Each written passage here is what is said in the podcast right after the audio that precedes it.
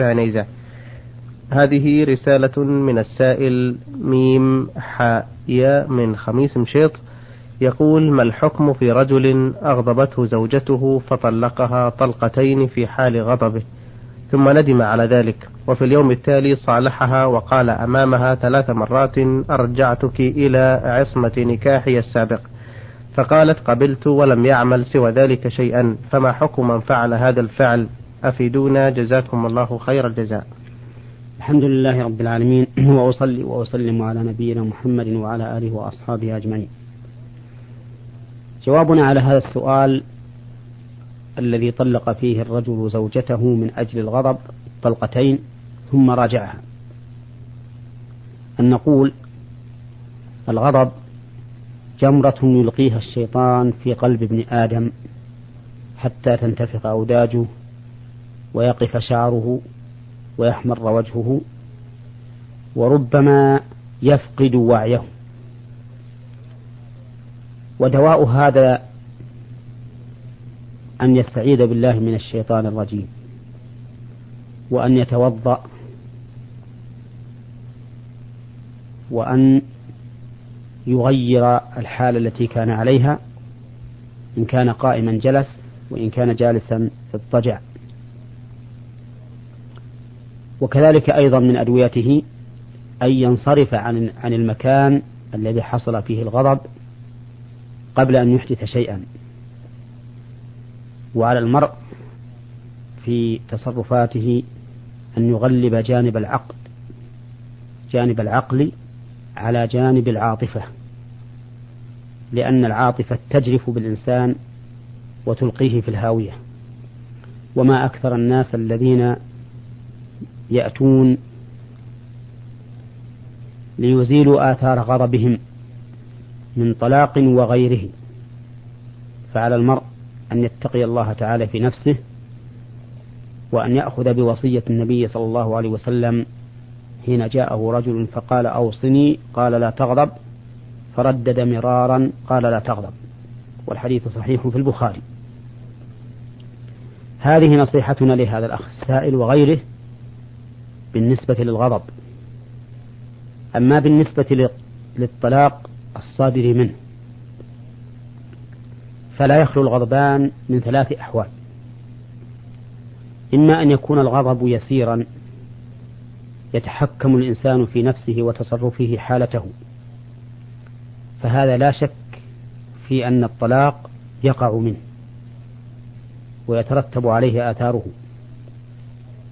لأن مثل هذا الغضب لم يفقد لم يفقده شيئا من من وعيه وتصرفه. والحال الثانية أن يكون الغضب متناهيا بحيث يصل إلى درجة لا يعي الإنسان فيها ما يقول ولا يدري أهو في بر أم بحر أم في أرض أم في سماء. ففي هذه الحال لا يقع طلاقه ولو كرره مئة مرة لأن الرجل يكاد يكون فاقدا لعقله. أما إحساسه ووعيه فلا ريب أنه فاقدهما. وقد حكى بعض أهل العلم الإجماع على أن الطلاق لا يقع في هذه الحال. الحال الثالثة أن يكون الغضب وسطا بين هذين. فهو ليس في ابتدائه ولا في انتهائه. هو يعي ما يقول ويدري ما يقول لكن الغضب أرغمه على أن يقول ما لا يرضاه ولا يحبه. بمعنى أنه أغلق عليه حتى كأن أحدا أكرهه على أن يطلق وهو يدري أنه طلق ويدري ما يقول لكن كالمرغم على ذلك. ففي هذه الحال اختلف أهل العلم هل يقع الطلاق أو لا يقع الطلاق. فمنهم من يقول إنه لا يقع ويستدلون بقول الرسول صلى الله عليه وسلم لا طلاق في إغلاق. قالوا وهذا مغلق عليه حيث إن الغضب أجبره على أن ينطق بالطلاق. وبعض العلماء يقول إن الطلاق يقع لأنه يعي ما يقول ويدري ما يقول وكون هذا الأمر شبه إكراه لا يمنع من وقوع الطلاق لا سيما وأن الرجل لم يفعل ما أمر به من التعوذ بالله من الشيطان الرجيم وتغيير حاله والوضوء. فهذه المسألة الدرجة الوسطى هي محل خلاف بين أهل العلم. فأنت أيها السائل انظر إلى حالك. هل أنت من أهل الحال الأولى التي في ابتداء الغضب أو من أهل الحال الثانية التي هي غاية الغضب ونهايته أم من أهل الحال الثالثة الوسطى حتى تعرف هل يقع الطلاق منك أو لا يقع؟ وعلى كل حال فإن الطلقتين في مجلس واحد يعتبران طلقة واحدة.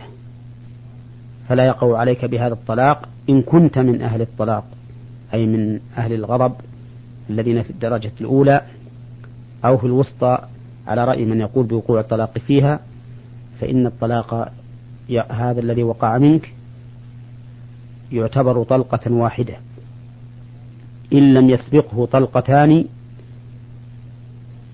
فإن لك أن تراجع زوجتك في هذا الطلاق. أما إذا كان قد سبقه طلقتان متعاقبتان بمعنى أن كل طلقة بينها وبين الأخرى رجعة فإنه يعتبر هذا الطلاق آخر تطليقات ثلاث ولا تحل لك زوجتك حتى تنكح زوجا غيرك. نعم. استرجاعه لزوجته حسب ما ذكر هو. هل يكفي هذا أم لابد من إشهاد شهود على الرجعة؟ الإشهاد على الرجعة سنة مؤكدة. نعم. ولكن الرجعة تحصل بدون الإشهاد فالإشهاد عليها ليس بشرط عند أكثر أهل العلم. ولكن لا ينبغي أن يشهد أن يرجع إلا بإشهاد. بارك الله فيكم. آه هذه رسالة من السائل جابر بن جابر أبو هادي. يمني الجنسية مقيم بالرياض. يقول لقد ورثت بيتا من المرحومة والدتي وقد انهدم هذا البيت وجددت عمارته ويوجد بجانبه قبور كثيرة وبينما كنا نحفر أساسه عثرنا على عظام بالية يبدو أنها من القبور المجاورة. فأخذت هذه العظام ودفنتها في مكان آخر بعيدا عن البيت وقد أكملت عمارته مع العلم أن بيوتنا تقع كلها بجوار قبور وقد ورثنا هذه البيوت عن أجدادنا ولا نملك بيوتا غيرها ولا أرضا لنبني فيها بعيدا عن هذه المقابر. فهل يحق لنا السكن في هذا البيت؟ وهل نقلي لهذه العظام إلى مكان جديد ليس علي فيه إثم أم لا؟ أفيدونا بارك الله فيكم. إذا كانت هذه القبور قبور مسلمين فإن أصحابها أحق بالأرض منكم لأنهم لما دفنوا فيها ملكوها. ولا يحل لكم أن تبنوا بيوتكم على قبور المسلمين. ويجب عليكم إذا تيقنتم أن هذا المكان فيه قبور يجب عليكم أن ترفعوا البناء وأن تدعوا القبور. لا بناء عليها. وكونه لا بيوت لكم لا يقتضي أن تحتلوا بيوت غيركم من المسلمين فإن القبور بيوت الأموات ولا يحل لكم أن تسكنوها ما دمتم عالمين بأن فيها أمواتا. وبقي علينا تنبيه وهو قولك المرحومة والدتي المرحومة. فإن بعض الناس ينكر هذا اللفظ يقولون إننا لا نعلم هل هذا الميت من المرحومين أو ليس من المرحومين. وهذا الإنكار في محله إذا كان الإنسان يخبر خبرا عن أن هذا الميت قد رحم. لأنه لا يجوز أن نخبر أن هذا الميت قد رحم أو عذب بدون علم. قال الله تعالى ولا تقف ما ليس لك به علم. لكن الناس لا يريدون بذلك الإخبار قطعا. فالإنسان الذي يقول المرحوم الوالد أو المرحومة الوالدة أو المرحومة الأخت أو الأخ أو ما أشبه ذلك لا يريدون بهذا الجزم أو الإخبار أنهم مرحومون وإنما يريدون بذلك الدعاء أن أن الله تعالى قد رحمهم. والرجاء وفرق بين الدعاء والخبر. ولهذا نحن نقول فلان رحمه الله. فلان غفر الله له. ولا فرق من حيث اللغة العربية بين قولنا فلان المرحوم وفلان رحمه الله. لأن جملة رحمه الله جملة خبرية. والمرحوم بمعنى الذي رحم فهي أيضا خبرية. فلا فرق بينهما أي بين مدلوليهما في اللغة العربية. فمن منع المرحوم يجب أن يمنع فلان رحمه الله. على كل حال نقول لا إنكار في هذه الجملة أي في قولنا فلان المرحوم وفلان المغفور له وما أشبه ذلك لأننا لسنا نخبر بذلك خبرا ونقول إن الله قد رحمه وإن الله قد غفر له ولكننا نسأل الله ونرجو فهو من باب الرجاء والدعاء وليس من باب الإخبار وفرق بين هذا وهذا. جزاكم الله خيرا. هذه رسالة من السائلة هائية من العراق محافظة نينوى. تقول توفي شخص وترك خمسة أولاد وثلاث بنات منهم ابن وبنت من زوجة أخرى. وقد ترك للجميع ميراثا وترك لهذين الابن والبنت قدرا باسمهم يعادل ثلث المال. علما أن عمرهما لا يتجاوز الخمس سنين وترك هذا المال وديعة عند ابن أخيه. فقام أحد أولاد المتوفى الكبار ونقض الوصية المتروكة مع هذا المال بحجة أنه يعرف حديثا عن الرسول صلى الله عليه وسلم يقول فيه لا وصية لوارث. وقد سألوا أحد العلماء عندهم فقال يجب أن يبقى المال عند المودع حتى يبلغ الصغار. وسألوا آخر فقال يجب أن يضم هذا الثلث إلى جميع الميراث وتوزع على جميع الورثة. فما هو الحكم الشرعي في هذا وماذا يفهم من الحديث الشريف لا وصية لوارث؟ هذه الوصية غير صحيحة وهي باطلة لأن الله سبحانه وتعالى قسم الميراث وقال آباؤكم وأبناؤكم لا تدرون أيهم أقرب لكم نفعا فريضة من الله. إن الله كان عليما حكيما. هكذا ختم آية ميراث الأصول والفروع. ومنهم ومنه هذه المسألة التي ذكرها السائل. فالله تعالى قد فرض للأولاد ميراثهم فلا يجوز لنا أن نتعدى ما فرض الله سبحانه وتعالى. والنبي صلى الله عليه وسلم أكد ذلك في قوله إن الله قد أعطى كل ذي حق حقه فلا وصية لوارث. فهذه الوصية التي أوصى بها الأب لأبنائه لابنيه الصغيرين دون بقية أولاده هي وصية باطلة محرمة. نعم إن ثبت أن هذا المال قد حصل لهذين الابنين بطريق آخر غير طريق الأب كما لو كان قد ورثاه أو وهب لهما بالذات. إذا ثبت هذا فهو لهما. وليس وصية من قبل أبيهما. لكن إذا كان وصية من قبل الأب لا يستحقان يستحقانه من مال الأب المتروك فإنها وصية باطلة ولبقية الورثة الحق في إبطال هذه الوصية ورد هذا المال إلى التركة ليقسم بينهم على كتاب الله تعالى. أحسن ولكني نعم. أرى أن من الأحسن أن ينفذ وصية والدهما. لا سيما أن إخوتهما هذا أن أخويهما هذين صغيران. فهما محل الرحمة لأنهما إذا كان صغيرين فهما يتيمان. والله تعالى قد أوصى باليتامى خيرا. فرأيي أنهما أن بقية الورثة ينبغي لهم أن يمضوا هذه الوصية ليكون في ذلك بر للوالد حيث وافق مراده. حيث حيث وافقوا مراده ولأن ذلك إحسان إلى هؤلاء اليتامى. نعم.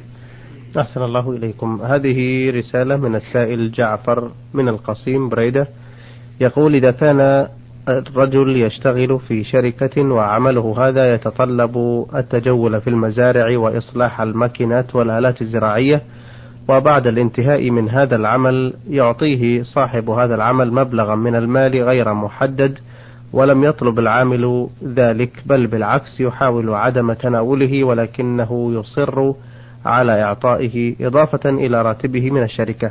فهل هذا يعد حلالا أم لا يجوز له تناوله؟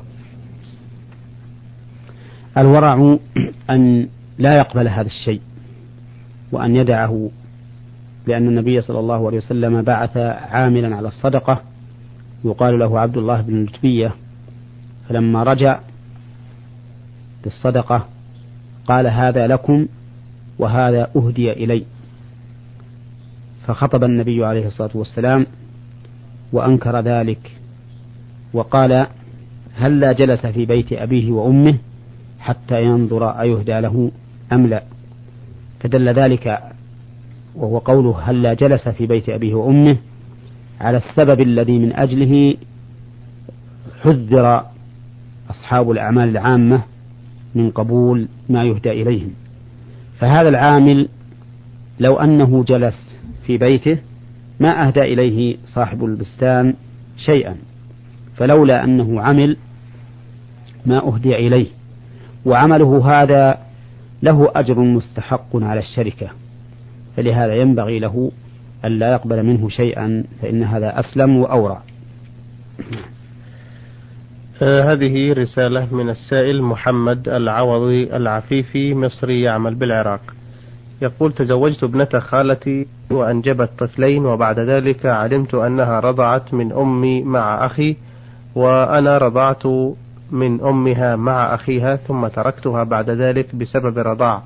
ولكن حينما سألت بعض الناس قالوا لي ما دام الرضاع لم يكن بينكما مباشرة وإنما مع أخيك وأخيها فلا يحرم هذا. ثم استرجعتها بعد ذلك وأنجبت طفلين آخرين. فما حكم الشرع في هذا؟ أفيدونا. بارك الله فيكم.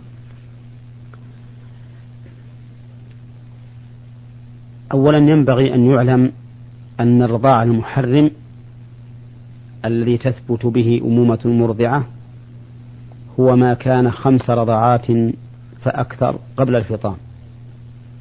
فإذا كانت هذه الزوجة التي تزوجتها إذا كانت قد رضعت من أمك خمس رضعات قبل أن تفطم أو كنت أنت قد رضعت من أمها خمس رضعات قبل أن تفطم أنت فإن الأخوة ثابتة. فإن الأخوة ثابتة سواء كان هذا الرضاع بينكما مباشرة أي من بطن واحد أو كانت هي رضعت مع أخيك أو أنت رضعت مع أخيها. لأن الأمة واحدة. فهي لما أرضعتها أمك صارت بنتا لها. وإذا كانت بنتا لأمك فهي أخت لك. وأنت لما أرضعتك أمها صرت ابنا لأمها فأنت أخوها سواء رضعت معها أو مع ابن قبلها أو بعدها. ولكن المدار الآن على عدد الرضعات التي صارت منك أو منها. إن كنت رضعت من أمها خمس رضعات فهي لا تحل لك لأنها أختك. وإن كانت قد رضعت من أمك خمس رضعات فإنها لا تحل لك أيضا لأنها أختك. سواء كانت رضعت من اللبن الذي نشأ من الحمل فيك أو رضعت من اللبن الذي نشأ من الحمل فيها أو رضعت من لبن سابق أو أو لاحق وكذلك هي. فالمهم يجب عليك الآن أن تبحث. هل وقع الرضاع خمس مرات منها لأمك أو منك لأمها؟